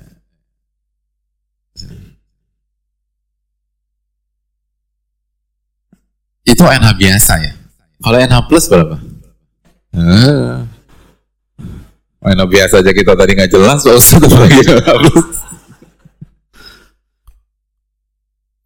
antum hadirin tahu. Beliau berangkat haji tahun depan. Bukan lima tahun ke depan, bukan 20 tahun, bukan tahun depan. beliau itu setiap hari celengin 5 ribu. Sebelum celengin doa sama Allah nangis sendiri. Nangis ya Allah saya pengen haji. Terimalah terimalah harta saya nggak seberapa tapi saya yakin engkau maha baik sama saya. Mudahkan saya haji masuk tahun depan berangkat. Pertama kita udah nabung atau belum? Kita udah doa belum? Air mata kita sudah ter mengalir atau belum? Itu tadi lah. Ada orang pengen jadi tamu di rumah antum. Nangis nangis. Masa antum nggak kasih masuk kalau dia orang baik masa antum nggak kasih jelasnya orang baik orang soleh segala macam terus pengen bertamu nangis nangis masa nggak dikasih masuk Allah arhamur rahimin hadirin coba jujur sama Allah Seringkali kita nggak persiapan dan kita nggak perjuangan. Haji itu jujur, ini haji apalagi umroh. Umroh lebih murah. Bismillah. Jadi ini tentang tentang kejujuran dulu deh. Lalu all out, lalu benar-benar jujur. Tabung, doa lagi, tabung, doa lagi. Nanti Allah akan cukupkan. Jadi jangan terlalu pakai matematika. Dunia, kalau pakai hitung-hitungan sekarang ya kita nggak berangkat-berangkat hadirin. Jakarta udah berapa? Jakarta ONH. Hah? 45 ya, 46, 40-an tahun kalau nggak salah. Bayangkan. Kalau kita usianya 40 tahun sekarang, berarti insya Allah berangkat kapan? Ya itu kira-kira. Tapi semua bisa terjadi hadirin. Semua Allah tinggal atur aja, tinggal nanti akses dimudahkan, lalu kota ditambah, nanti segala macam, nanti ada. Apa susahnya bagi Allah Subhanahu wa taala? Mintalah pertolongan sama Allah. Allah taala bisa.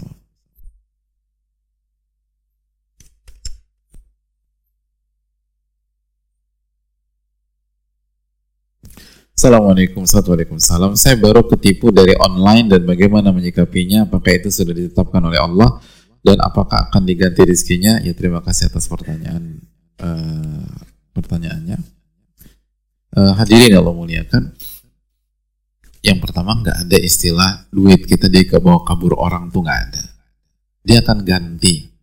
Kalau nggak di dunia, di akhirat. Sebagaimana hadis muflis, hadis muslim. Atau dulu namanya muflis, tahu nggak anda siapa yang bangkrut? Kata Nabi SAW? kata para kata para sahabat muflis sufina man ladir hamalahu wala mata. Orang yang bangkrut di tengah-tengah kami itu yang nggak punya uang dan nggak punya aset. Kata Nabi bukan yang muflis itu adalah orang yang ke di akhir nanti bawa pahala sholat puasa lalu dia uh, mencela A men, ini B ngambil uang A ngambil uang B uh, meng, apa, merendahkan kehormatan A B lalu pahalanya diambil ditransfer ke korbannya atau dosa korbannya dikasih ke ke dia itu. Jadi pasti diganti. Dan diganti di akhirat lebih menguntungkan. Lebih menguntungkan karena langsung pahala. 100% pahala. Jadi di, kita dibawa kabur berapa? Misalnya kita ditipu 100 juta. Maka 100 juta itu di apa konversikan ke pahala dikasih. Kalau misalnya 100 juta itu dikembalikan hari ini, mungkinkah 100% berubah jadi pahala? Jujur deh, jujur. Kalau kita dapat 100 juta nih, yang jadi pahala berapa persen? Hah? Kalau kita dapat 100 juta, kira-kira yang jadi pahala, semoga lo terima ya. Kalau ini kalau lo terima, itu berapa berapa? Hah? Setengah berapa? Setengah juta. Ya Allah tega banget. 100 juta. Setengah Ustaz. 50 juta. Ya setengah juta. Pikir setengah susah lah hadirin. Pengen beli ini pengen beli itu pengen segala macam. Akhirnya cuman satu kadang dua ratus ribu tiga ratus ribu ya. tapi ini seratus juta dapat dapat di akhir kiamat. Aman. Gitu jadi tenang aja. Nggak. Kalau kita beriman makanya rizki batin itu penting. Yakin bahwa Allah tuh akan ganti. Apalagi kalau kita sabar kita sabar pahala lagi jadi uang kita aman kita dapat pahala sabar. Dan kalau kita dapat pahala sabar, berarti kita beramal soleh. Beramal soleh, Allah kasih rizki dari arah yang kita tidak duga-duga, selesai masalah. Jadi dibayar di akhirat lebih menguntungkan daripada dia bayar di dunia. Tapi kalau dia tobat, dia mau balikin duit antum, ya jangan antum tolak. Di akhirat aja, di akhirat. Di akhirat. Mau bayar, udah terima. Enggak, enggak, aku nggak mau terima. Aku mau di akhirat aja. Jadi, uh, itu poin Allah Ta'ala misalnya.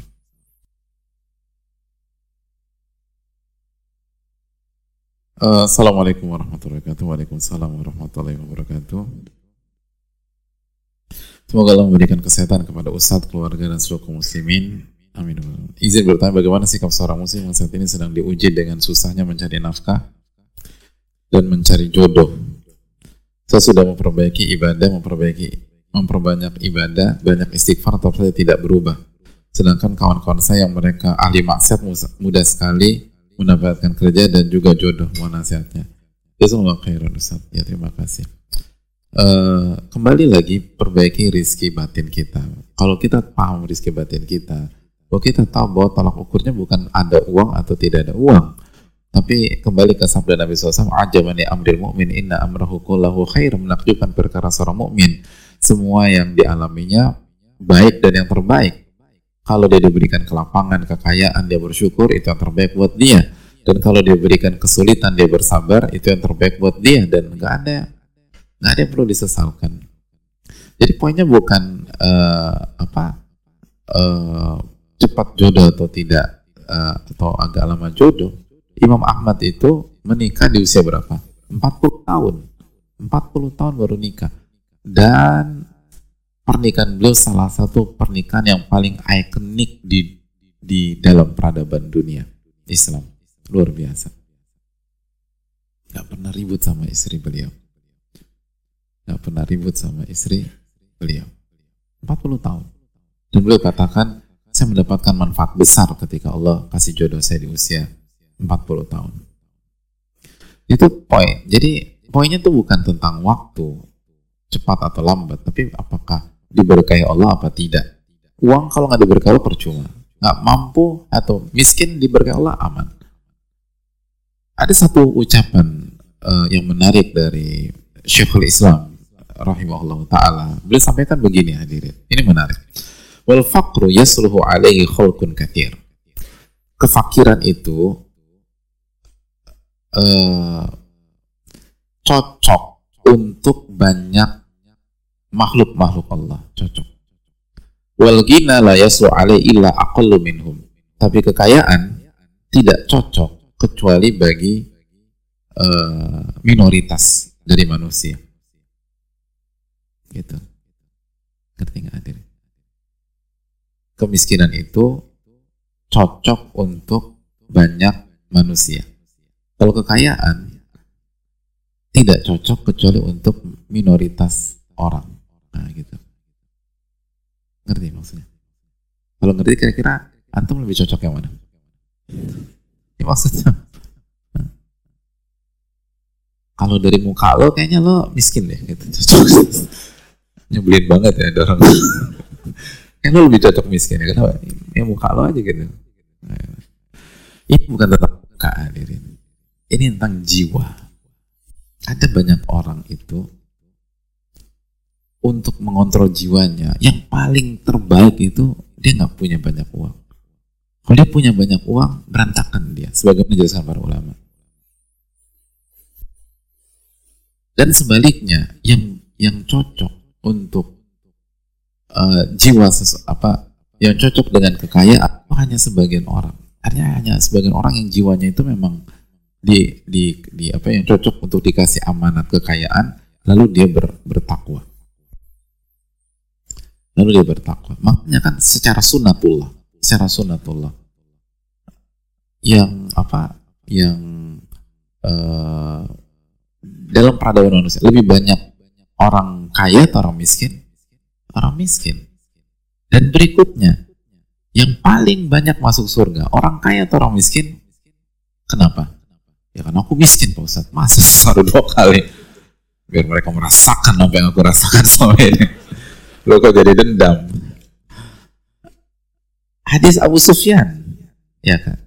Ketika ditanya yang paling banyak mengikuti uh, apa Muhammad ini orang kaya atau orang miskin? Orang miskin. Terus kata Abu Sufyan, mohon maaf, kata Heraklius ketika ditanya, ketika bertanya kepada Abu Sufyan, kata Heraklius ya begitulah pengikut para nabi.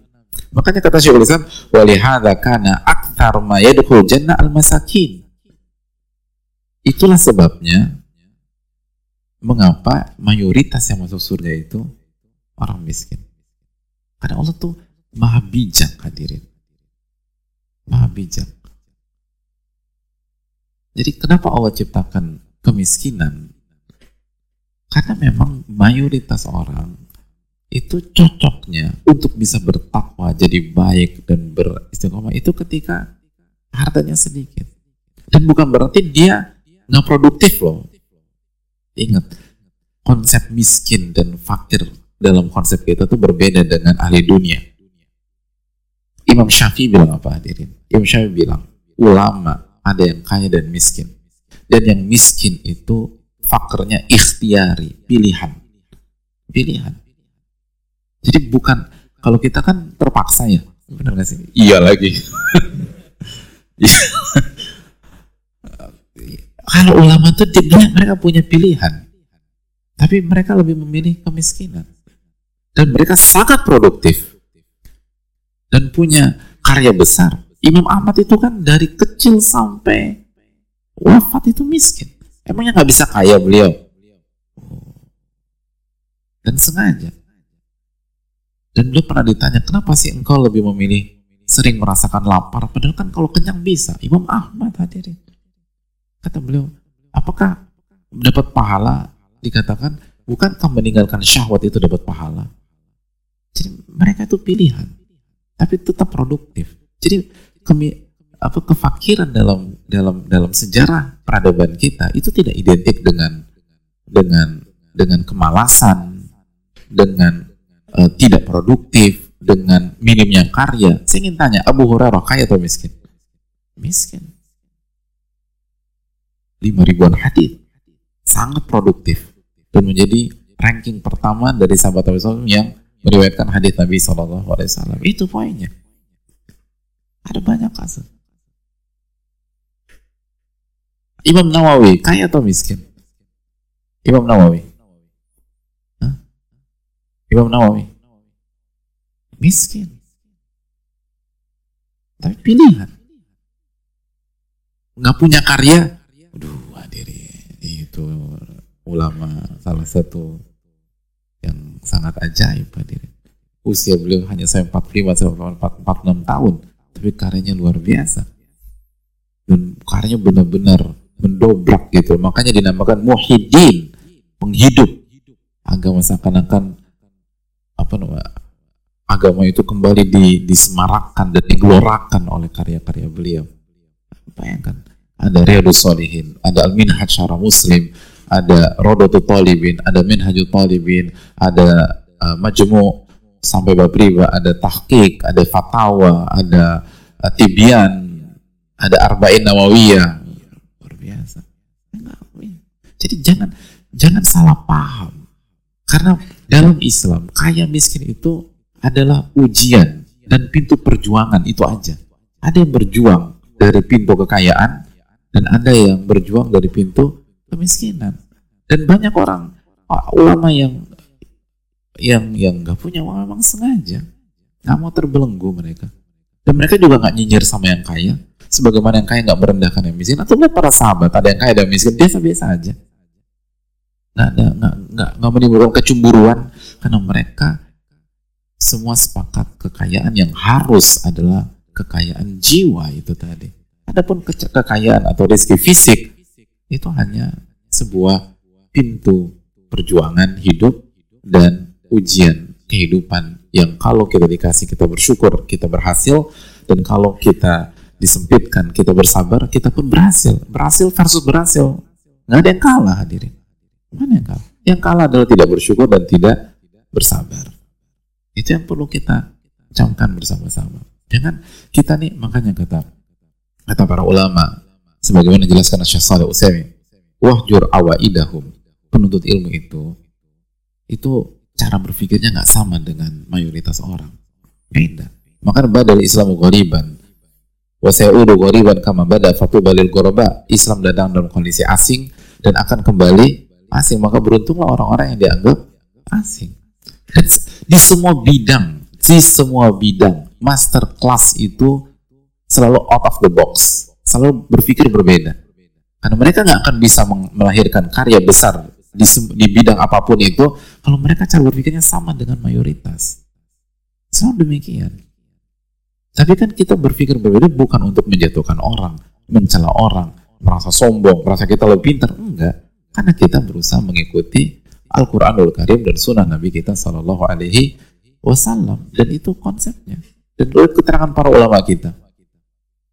Jadi jangan salah arti bahwa kemiskinan atau kefakiran artinya nggak produktif, nggak punya karya, nggak semangat, males, apa uh, jobless, nggak beda. Dulu para ulama kita yang miskin-miskin tuh karyanya luar biasa dan dan dan menginspirasi. Mereka influencer sejati. Mereka mempengaruhi jutaan orang dengan keikhlasan mereka, dengan karya mereka, dengan uh, pengorbanan mereka. Itu poinnya. Lihat bagaimana Musa bin Umair peran beliau di kota Madinah. Musa bin Umair pada ketika masuk Islam diboykot dan miskin Musa bin Umair. Tapi peran beliau di kota Madinah nggak ada yang bisa melupakan hal tersebut. Nah itu yang harus kita camkan. Ada yang ada yang berjuang dari harta, ada yang berjuang dari kemiskinan biasa aja. Nggak nggak nggak ada itu. Atau siapa harus harus jadi orang kaya dulu enggak ada kotak-kotak yang memang hanya orang kaya yang bisa tapi ada kotak-kotak yang hanya orang miskin yang bisa dan ingatlah kita ini ditolong karena orang-orang lemah innamatun sorun wa turzaqun bidu'afaikum kata Nabi SAW kalian itu ditolong dan diberikan rizki melalui orang-orang lemah di antara kalian karena keikhlasan mereka dan doa-doa mereka jangan pernah meremehkan orang-orang seperti itu sejarah mencatat ditolong oleh mereka. Orang-orang lemah. Makanya mayoritas pengikut Nabi SAW orang-orang lemah. Ini yang bisa disampaikan. Jazakallah khairan. Semoga bermanfaat. Dan semoga Allah menjaga uh, kita semua. Dan semoga Allah memberkahi masjid ini dan memberkahi dan memberikan pahala besar pada uh, DKM, panitia dan jamaah semua. Dan semoga Allah SWT memberikan kita ilmu yang bermanfaat dan melindungi kita dari ilmu yang tidak bermanfaat. Allahumma inna nas'aluka ilman nafi'an wa na'udzubika min ilmin la yanfa'. Allahumma 'allimna ma 'allam ma Allahumma 'allimna bima yanfa'una wanfa'na bima 'allamtana. Subhanaka wa la ilaha illa anta astaghfiruka wa atubu ilaik. Assalamualaikum warahmatullahi wabarakatuh. Syukran.